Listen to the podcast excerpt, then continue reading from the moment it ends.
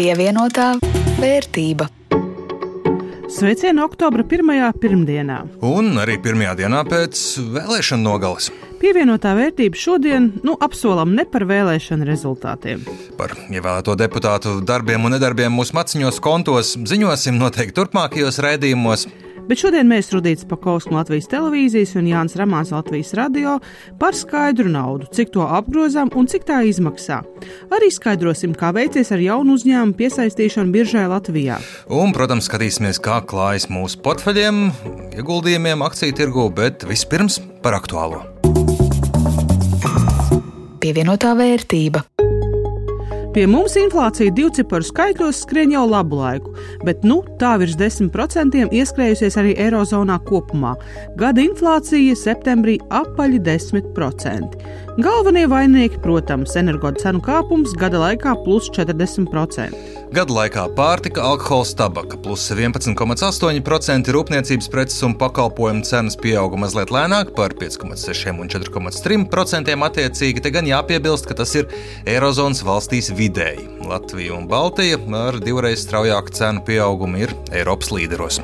Viens ir skaidrs, tā kā Eiropas centrālā banka inflācijas ierobežošanu ir pasludinājusi par savu pašu galveno rūpi, jārēķinās ar to, ka tā turpinās no sēdes uz sēdi paaugstināt procentu likmes, aizņemties naudu un kredītmaksājumu kļūs dārgāk. Izskan, protams, bažas, ka ceļot procentu likmes tiks bremzēta arī ekonomiskā izaugsme un uz kādu brīdi būs recesija, bet šobrīd izskatās, ka visur pasaulē, izņemot Japānu, ir pārliecība, ka labāk īslaicīgi pielietot procentu likmju celšanas rūktās zāles, lai kontrolētu inflāciju, nekā riskēt ar ekonomikas sabrukumu ilgtermiņā. Šajā kontekstā jāpiebilst, ka jau otro nedēļu pēc kārtas turpina rukt melnās zelta jeb naftas cenas.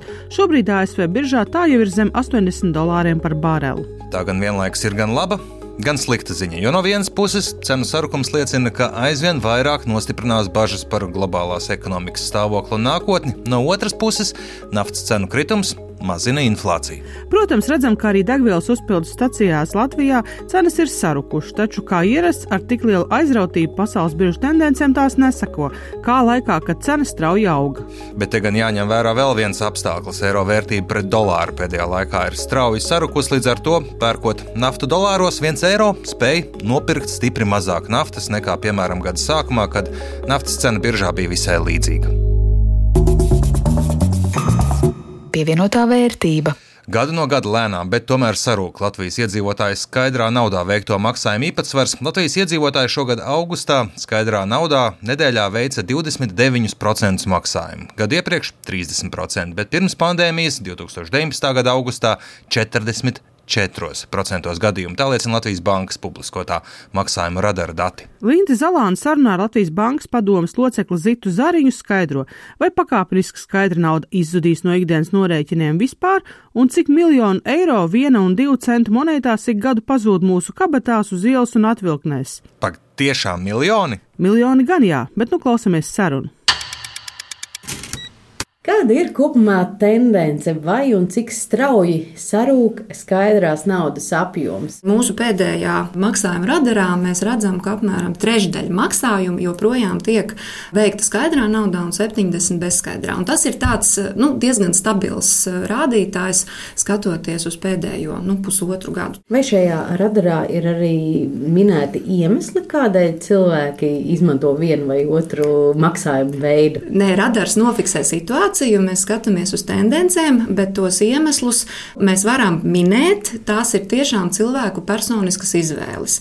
Varētu būt, ka tā ir ērtāk. Labi, tagad, protams, attīstoties zibmaksājumiem, arvien plašāk maksājumi bezskaidrās naudas ir, protams, zibenīgi un ātri. Nu, kādreiz tas bija skaidrās naudas plus.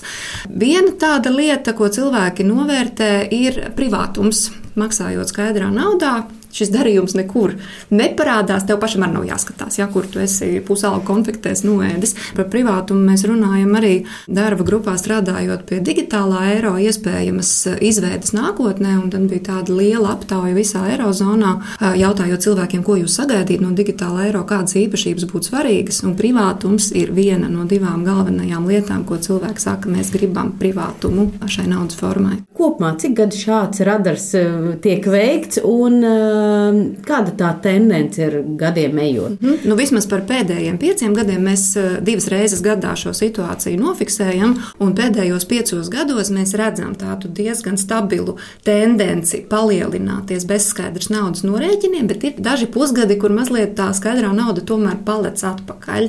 Vai arī, piemēram, pandēmijā, protams, ka mēs vērojām, attīstoties, ja piespiedu kārtā cilvēkiem daudz vairāk izmantojot e-komerciju, nu, tad mēs redzam, protams, ka bezskaidrās naudas norēķini proporcionāli nu, paņem pāris procentus eh, šajā kopējā apjomā vairāk. Skaidra un bezskaidra nauda, kas izmaksā lētāk, dārgāk eh, lietošanā. Nu, to nav tik vienkārši pateikt, ja, jo tās izmaksas, eh, jebkura naudas veida lietošanā, rodas dažādām pusēm. Ne tikai man, kā pircējam vai naudas turētājam, bet arī pārdevējam un bankai.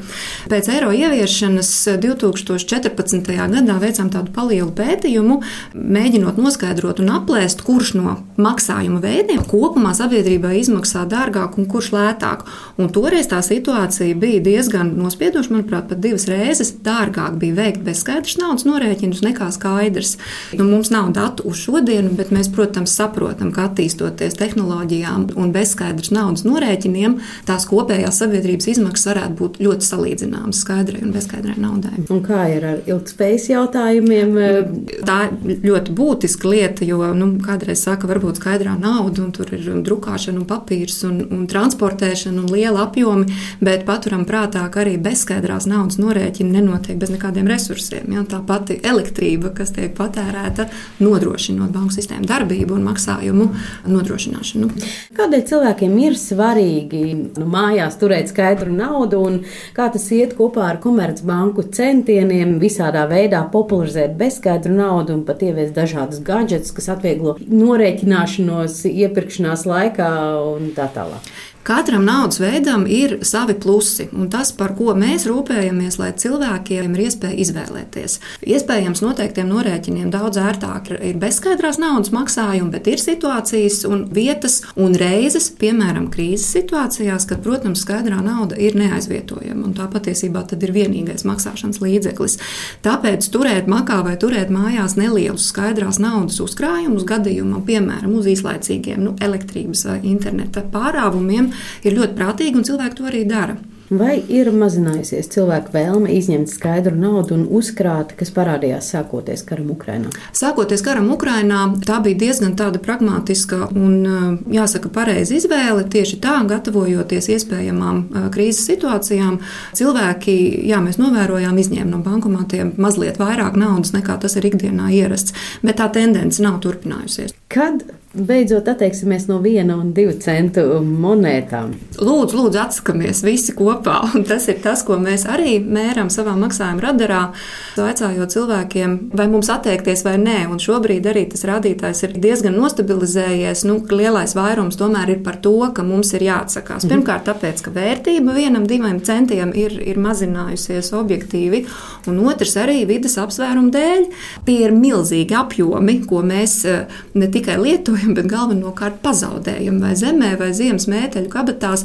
Tie ir milzīgi apjomi metāli, kas nonāk augsnē. Un par apjomiem, cik mazo centu neatgriežas pie mums bankā, ja mēs katru gadu laižam apgrozībā 9 miljonus monētu, pie mums atgriežas tikai 1 miljons. Un mēs esam lēsuši, ka šādi pazuduši naudas izteiksmē ir apmēram 4 miljoni eiro. Tas ir diezgan daudz. Jūs jautājat iedzīvotāju viedokli, jā, cilvēki saka, mm vēlas atteikties, kas notiek tālāk? Jā, jā, labs jautājums. Tas, ko mēs varam darīt no savas puses, mēs sagatavosim normatīvo aktu projektus un priekšlikumus, kas būtu jāmaina, lai mēs varam nodrošināt tā saucamo rēķinu nopaļošanu. Tas būtiski samazinātu mazo centu apriti. Vai šāds lēmums atteikties no vienu un divu centu monētām ir pieļaujams, ka to pieņem tikai Latvija nacionālā līmenī, vai nē, tam ir jābūt arī citu Eiropas Savienības valstu lēmumam? Pilnīgi atteikties no viena un divu centu monētām, protams, ka vislabāk būtu visā eirozonā kopā. Šobrīd tā iniciatīva ir mazliet iestrēgusi. Uz to mēs šobrīd vairs nepaļaujamies, bet tas, ko mēs varam darīt nacionālā līmenī un ko daudzas valstis arī dara, apaļot šos rēķinus. Pārskatāmā nākotnē tiešām tiksim līdz sabiedrībai, kur skaidrs naudas nebūs vispār.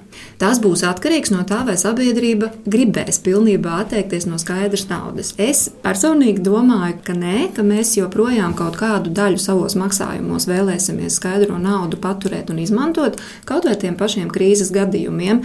Bet vēlreiz atkārtoju, tas ir atkarīgs no tā, ko cilvēki izvēlas, kas cilvēkiem ir ērtāk pievienotā vērtība. Bet biržās pērnedēļ kritumi lielākais Rīgā - tur 1,86% mīnusā, tad sakot Tallinā ar 1,58%, bet Viļņā 0,67% mīnusā. No tirgotākajām akcijām aizdītajā nedēļā vislielākais apgrozījums 1,5 miljonu eiro bija ar Enefit Green akcijām. To cena kāpa par 3,1%, otrajā vietā 1,3 miljonu eiro apgrozījums LHV grupa no Igaunijas cenai 5,74% kritums, trešie Ignitis grupa ar 1,1 miljonu eiro apgrozījumu un 1,06% kāpumu akcijas cenai. Un kā šī nedēļa ietekmēs tavu portfeli? Nekādi brīnumi nav notikuši, un tas ir turpinājis savā vērtībā sarukt, kā jau pēdējā laikā ierasts pāris eiro nedēļas laikā nost. Bet vēl turos virs 400 eiro, ja pilnīgi precīzi, tad portfeļa vērtība 407,66 eiro. Kā tev? Nu, man nepārāk spoži. Kopējā vērtība ir 387,92 eiro, un atgādināšu, abi ar Jāni ieguldījām 300 eiro akciju tirgumu atkopjoties no pandēmijas. Tad nopelnījām, bet tagad nu, pārlaižam šā brīža nepārāk gaišo posmu akciju tirgu. Bet varbūt mums laiks pirkt kādas jaunas akcijas. Galu galā divus gadus maziem un vidējiem uzņēmumiem bija iespēja pieteikties Eiropas Savienības programmai, kas sniedz naudas atbalstu akciju vai parādu vērtspapīra emisijas sagatavošanas izmaksām biržai. Nu, pieteikšanās ir slēgta. Uzņēmumiem jāuzņem tiem, kas pieteicās tāds ātrums finiša sprintā, lai līdz nākamā gada izskaņai patiesi biržā ieietu. To, cik daudz uzņēmumu ir noslēguši līgumu par ieiešanu biržā un kādi klupšanas akmeņi tiem gadījušies ceļā, skaidroja Linda Zalāna. Bija četras atlases kārtas. Kopā pavisam interesi par šo līgumu slēgšanu izrādīja 19 komersanti. Līgumi tika noslēgti ar desmit komersantiem. No šiem desmit līgumiem pat laba aktīva vēl ir septiņi. Centrālās finanšu līgumu aģentūras finanšu instrumentu nodaļas vadītājs Artis Jurkēvits stāsta, ka trīs līgumi pārtraukti gan pandēmijas, gan Ukrainā īstenotā kara dēļ.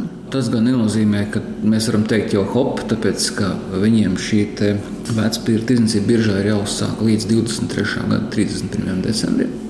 Attiecīgi viņi vēl gatavo savus dokumentus, konsultējas ar juristiem, finansistiem, veids šīs procedūras, kas ir atrunātas, kuras nosaka birža.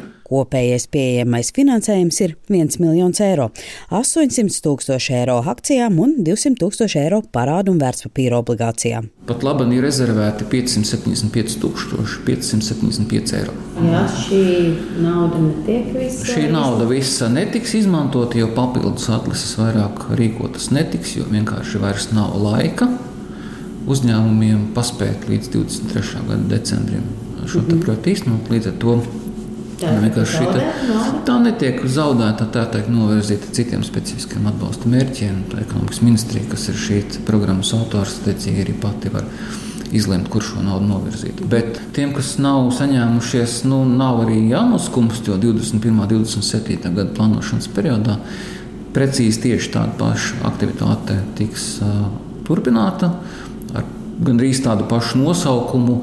Tur būs pieejami 17 miljoni eiro kas ir vairāk krietni, kas ir vairāk krietni nekā bija šeit, bija tikai miljons, tad tagad būs 17 miljoni. Tieši vērsts uz to, lai atbalstītu uzņēmumus, lai viņi sāktu tirgot akcijas biržā Ieiešana biržā nav lēts process, līdz ar to atbalsts komersantiem tiek sniegts grāmata veidā, sedzot līdz 50% no izmaksām, bet ne vairāk kā 100 tūkstoši eiro katram akciju emisijas gadījumā un ne vairāk kā 20 tūkstoši eiro katram parāda vērtspapīru emisijas gadījumā. Ārtis Jurkevits uzskaita uzņēmumus, kas līgumus noslēguši. Tie uzņēmumi ir dažādi, nozares ir dažādas. Piemēram, ir A-birojas, kas uh, biroja preces tirgo. Ir APF holdings, kas ir pazīstams ar plašākai sabiedrībai ar alūksnes olām, tā ir alūksnes pupnu fabrika. Tad ir Rīgas krēslu fabrika. Ir Profilv, kas ir būvmateriāla tirzniecības uzņēmums. Ir akcijas sabiedrība Puto, kas ir automazgātuvu tīklus. Rīgas krēslu fabrikas valdes priekšsēdētājs Aldis Circenis teica, ka uzņēmums soļo biržas virzienā, jo tādā veidā ir iespējams piesaistīt papildus finansējumu, bet šī brīža situācija nav tam labvēlīga. Šobrīd tas ir nolikts, teiksim, tādā, nu, rokas stiepienā attālumā.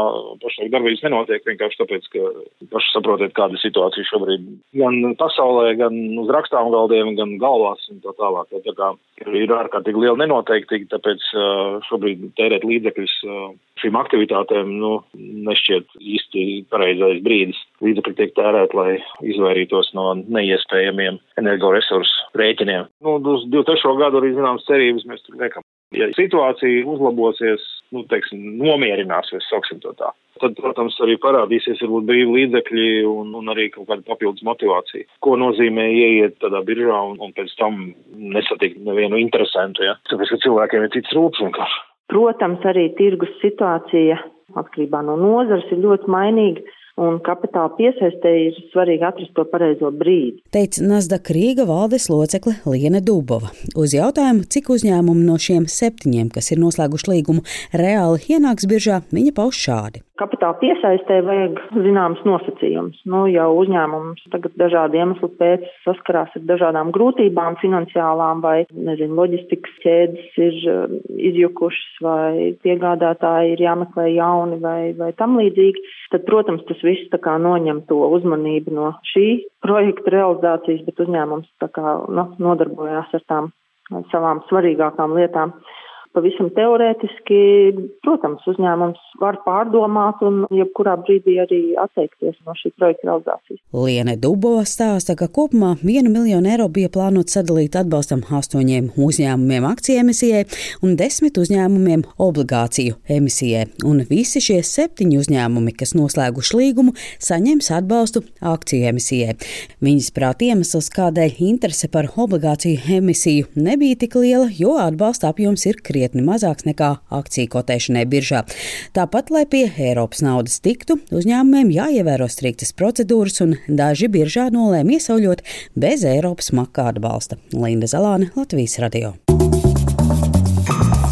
Pievienotā vērtība. Ar to arī izskan šīs nedēļas raidījums pievienotā vērtība. To jums veidoja Jānis Ramāns no Latvijas radio un Rudīts Pakausks no Latvijas televīzijas.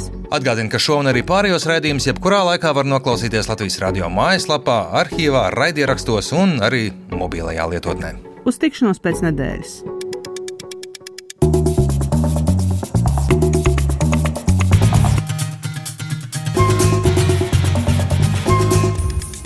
Pievienotā vērtība.